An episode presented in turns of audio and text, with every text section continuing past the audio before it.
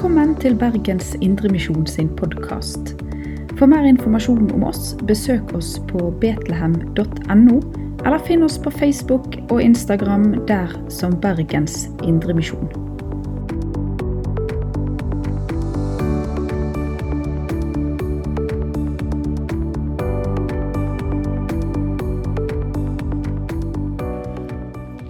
Nåde være med dere, og fred fra Gud vår Far og Herren Jesus Kristus, Han som ga seg selv for våre synder, så han etter Gud vår Fars vilje kunne fri oss ut fra den onde tiden vi nå lever i. Ham være ære i all evighet. Amen. Slik er åpningshilsen, nådehilsen, som Paulus forkynner for galaterne i dette Galaterbrevet, som vi har hatt som preken, tekst og utgangspunkt for Ja, dette blir sjette søndagen i høst. Og I dag er vi altså kommet litt lenger ut i brevet. Vi skal lese fra Galaterbrevet 5 og fra versene 16 i Jesu navn.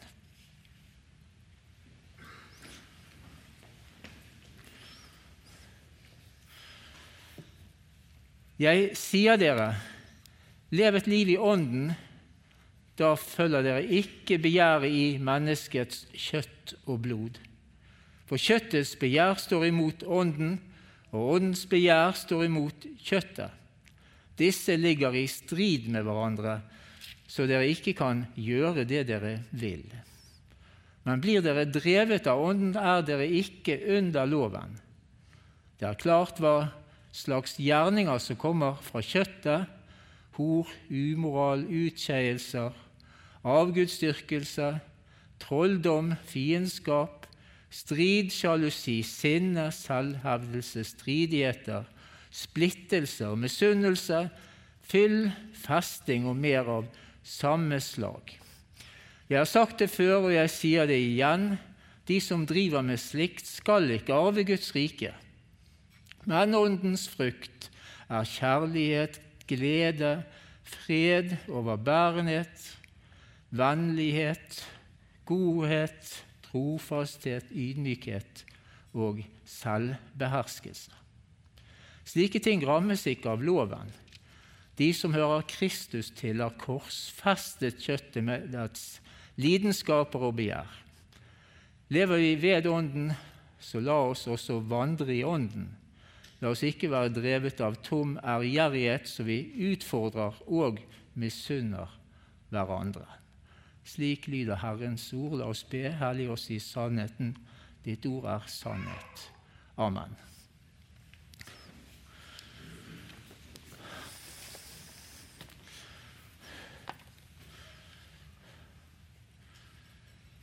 Galaterbrevet er kalt det store frihetsbrevet.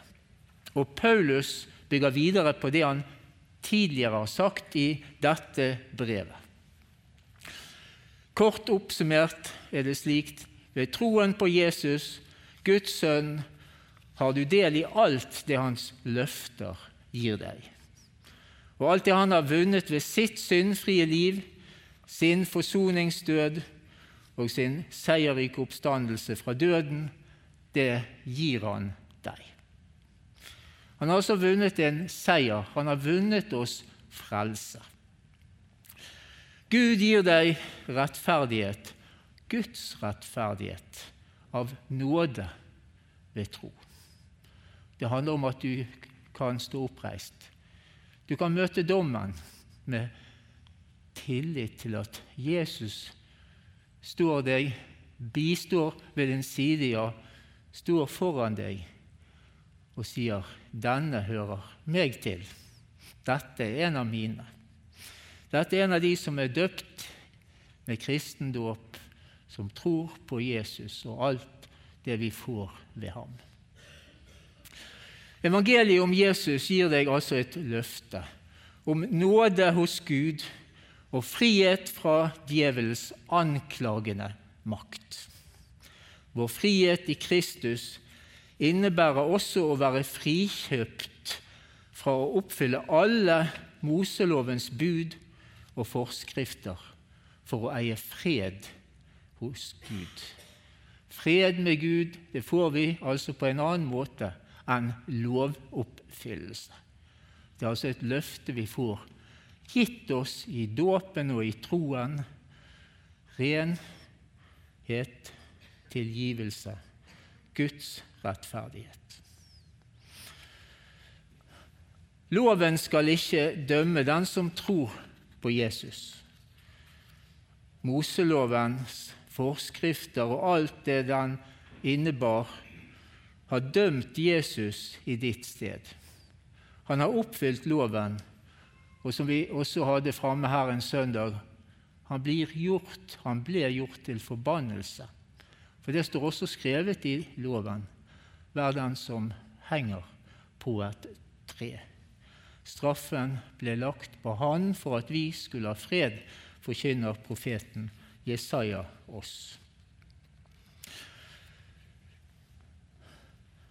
Loven har altså dømt Jesus. I ditt sted Jesus er oppfyllelsen av loven på alle måter.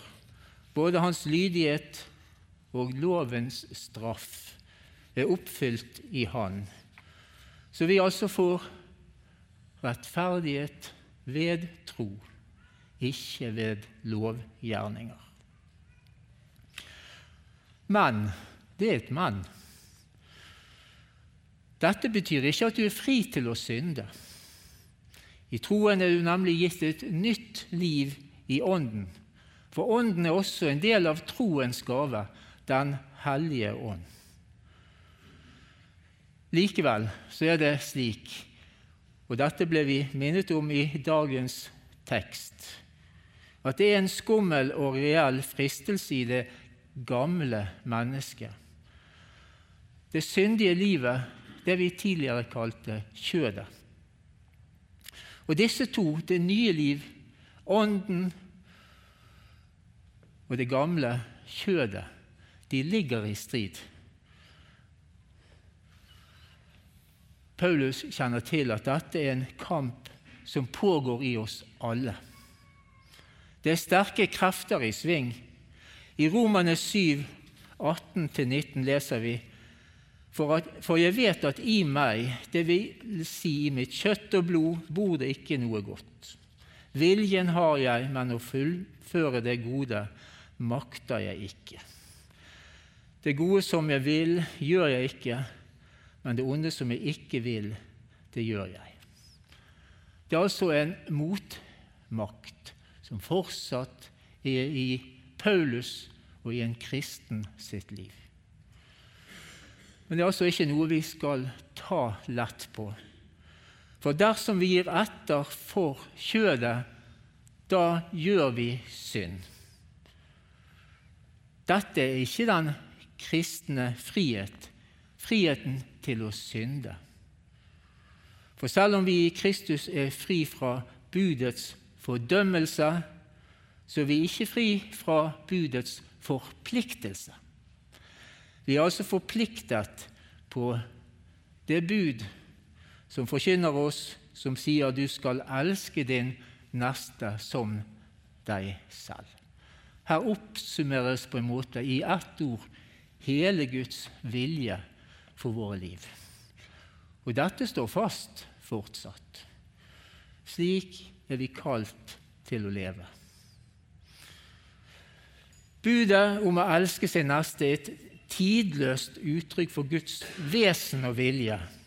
Det forplikter oss i våre holdninger og handlinger overfor vår neste. Og så er det slik av vårt forhold til kjærlighetsbudet Det kan også påvirke vårt forhold til Gud. Det kan det. For Gud er kjærlighet.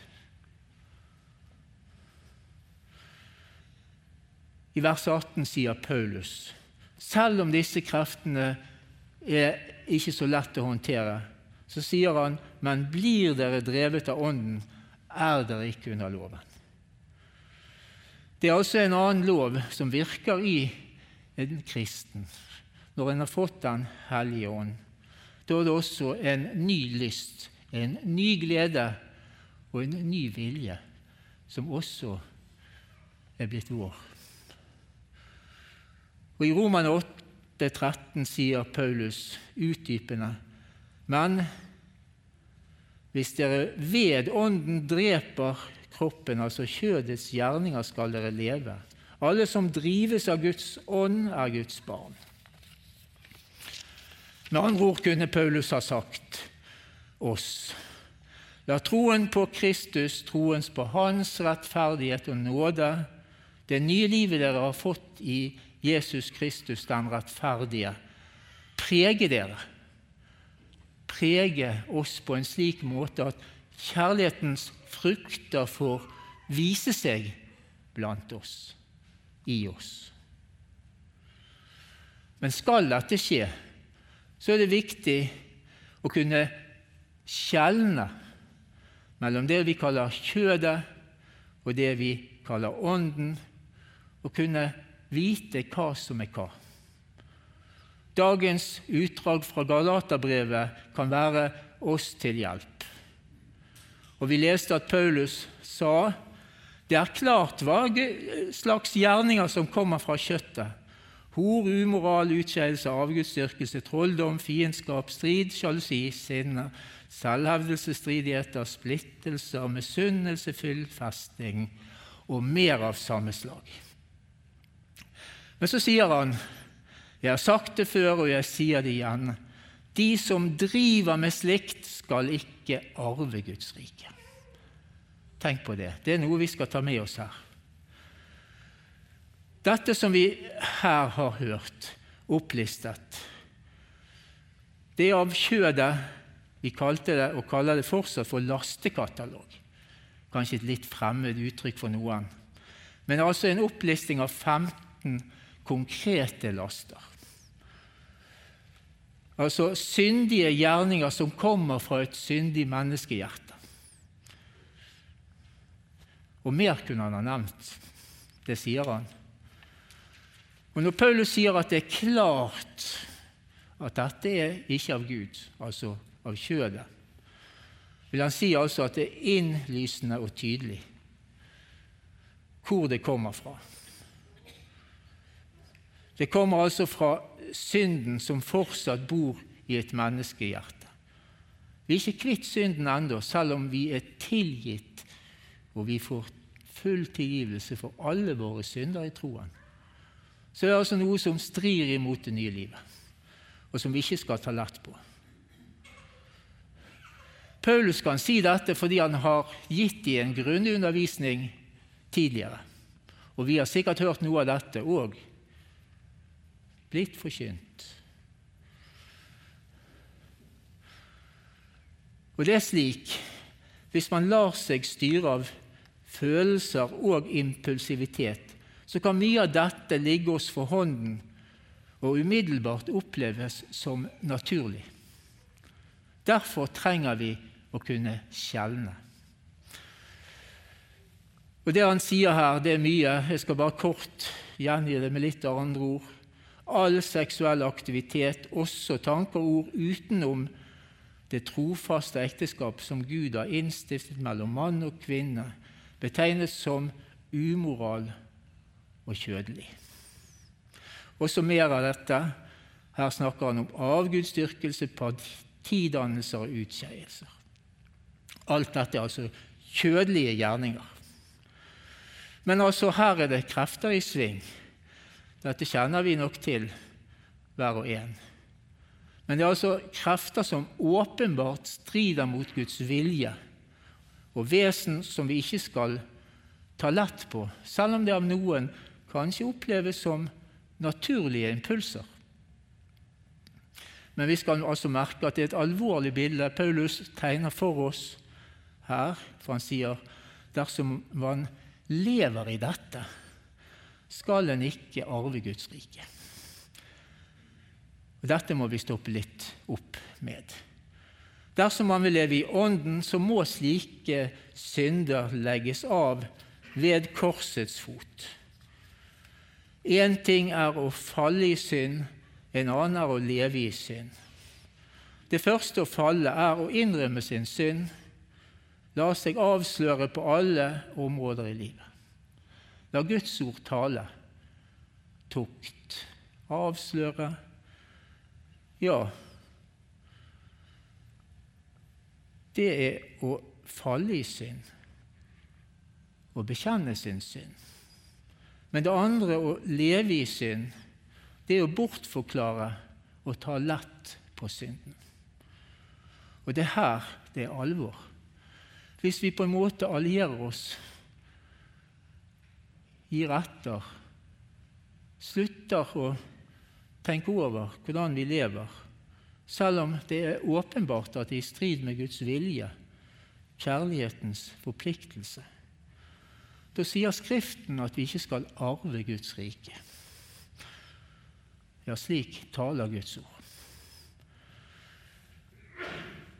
Men dersom vi drives av Ånden, dersom man vil leve et åndelig, sant kristenliv, så må altså slike synder legges av. Det betyr altså at vi ikke må la synden få rom og bli vår livsform. Vi må leve i anger, bønn og bot og tro evangeliets løfter. La det virkelig bære oss. Tenk at vi skal alltid få komme til nådens og troens opphavsmann og fullender med hele vårt liv. Han har tatt alt vårt og gjort det til sitt. Og så skal vi også ta imot alt hans, det nye livet, og la det få prege vår livsførsel, vårt liv. Det er tilgivelse, nåde å finne i Kristus, Jesus, alltid. Og husk, se fram, se opp. Vi skal vandre med blikket festet på troens opphavsmann og fullender, og vi skal få lov å minne hverandre om det håpet som ligger og venter da alle ting skal bli nye. Håpet som venter alle som tok sin tilflukt til Jesus og Hans ord her i tiden. Ren og rettferdig, himmelen verdig, er du i Kristus Jesus just nå. Ordet forkynner at dine, mine synder kommer han ikke mer i hu når vi lever og klamrer oss til Jesus, til Hans ord og løfte.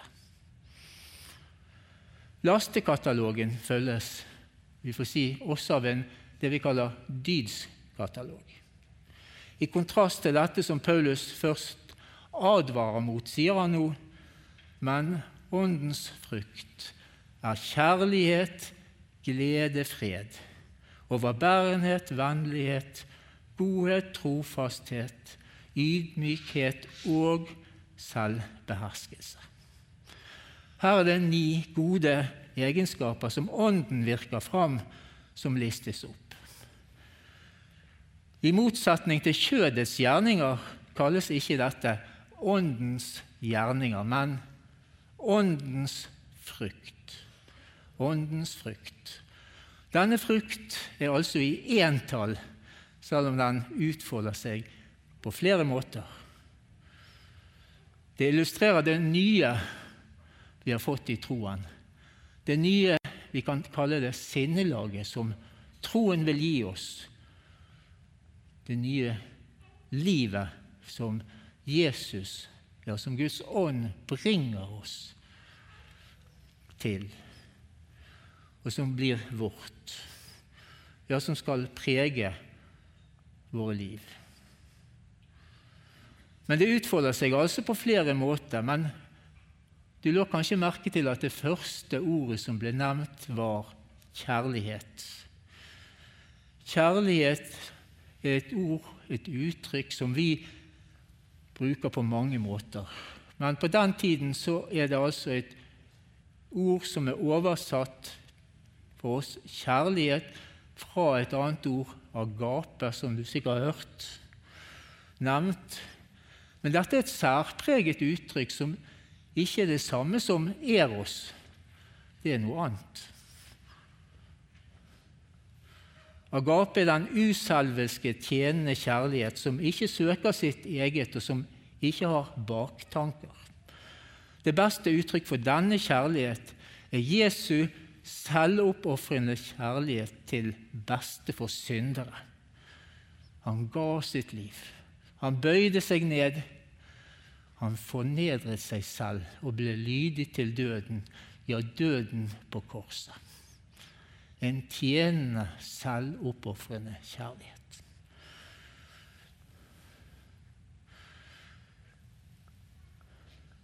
Det beste er altså at dette har vi fått del i. Og egentlig er det bare Gud som kan elske slik. Gud er kjærlighet. Men vi har altså fått en smak av denne kjærlighet i troen på Jesus. Men så er det altså slik at et menneske noen ganger kan gjøre uselvisk kjærlighet etter Guds og Jesu forbilde, ja, drevet av Den hellige ånd.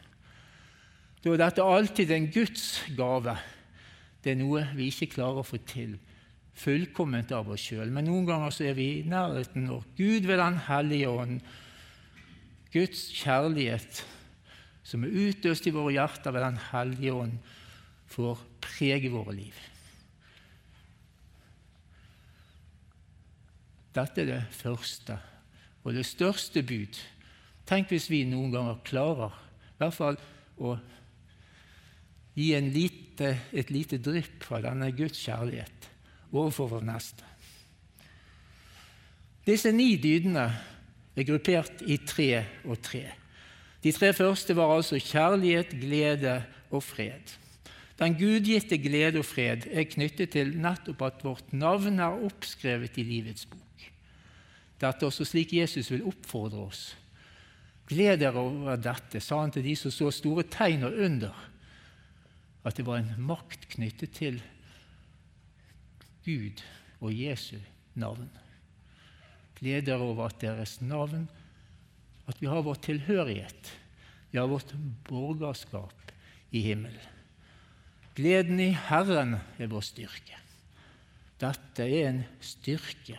Tenk å kunne leve slik, i full visshet. Jeg er et Guds barn i troen på Jesus. Så er det altså slik at Åndens frukt gir seg utslag også i overbærenhet, vennlighet og godhet. Det ene uttrykket, det første, kunne vært oversatt 'sent til vrede'. Altså kanskje stoppe opp litt. Tenk. Hvordan skal jeg nå respondere? Og så kanskje vi tar med oss noe av det sinnelag Jesus hadde. Han viste stor tålmodighet og var barmhjertig. Ja, til og med overfor sine fiender ønsket han det beste. Også oss som var fiender, ønsket han det beste. At vi også skulle komme til sannhetserkjennelse og få å finne fred med Gud ved Jesus Kristus, vår Herre. Paulus kan si at slik som Jesus er, slik Guds vilje vil han at vi skal forholde oss til hverandre på bakgrunn nettopp av det vi har sett at Gud har vært overfor oss i Kristus Jesus. De siste tre uttrykk for Åndens frukt er trofasthet, ydmykhet og selvbeherskelse. Også her beskrives det for oss hvordan vi i troen skal forholde oss overfor vår neste. Alle disse tre dyder står i motsetning til eller vi kunne sagt alle dydene står i motsetning til lastene som er nevnt tidligere. Det er altså et annet liv, det er en annen vei som tegnes for oss i troen ved Ånden. Og så har vi altså feiret dåp i dag. Den kristne dåp forener oss med Jesu Kristi død og knytter oss til den frelse han har vunnet for oss. Dåpen er en død av det gamle mennesket. Den forkynner oss at det er noe vi skal si nei til for for å gi rom for det vi gjerne ville og vil si ja til. Troens liv. Vi er i troen og dåpen forenet med Han som ble korsfestet for oss. Og vi er i og ved Jesu oppstandelse kalt til å leve et nytt liv. Vi skal leve sammen med Han som ble korsfestet for våre synder, og som sto opp for oss for at vi skal være rettferdige. Og Paulus sier til dette de som hører Kristus til, har korsfestet kjøttet med lidenskaper og begjær. Kjøttet, kjødet, det syndige livet hører altså hjemme der, på korset. Det binder oss til Kristus. Det gjør at vi er avhengig av Hans nåde og tilgivelse alltid. Det gjør at vi skjønner at her kan ingen komme og skryte. Her er det Han som gjelder uavkortet.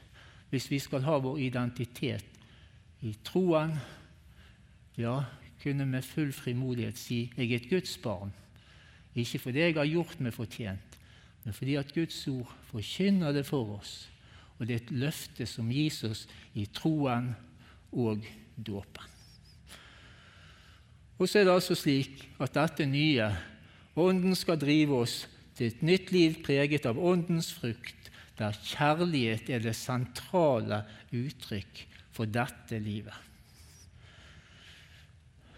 Og Helt til slutt så sier Paulus i tekstavsnittet vi har stoppet opp ved i dag Lever vi ved Ånden, så la oss også vandre i Ånden. La oss ikke være drevet av tom ærgjerrighet, så vi utfordrer og misunner hverandre. Helt til slutt vil jeg lese to vers fra det kapitlet vi ikke har satt opp som preken, tekst, men som vi gjerne kan lese på egen hånd. Jeg vil bare lese oppsummerende. Alle som følger denne rettesnoren på bakgrunn av altså hele brevet. Fred og barmhjertighet være med dere og med Guds Israel. Og helt til slutt sier han, Vår Herre Jesu Kristi nåde være med deres ånd, mine søsken. Amen. Til ære for Faderen og Sønnen og Den hellige ånd, som var og er og være skal, en sann Gud, fra evighet og til evighet. Amen. Du har lytta til Bergens Indremisjon sin podkast. For mer informasjon om oss, besøk oss på betlehem.no, eller finn oss på Facebook og Instagram der som Bergens Indremisjon.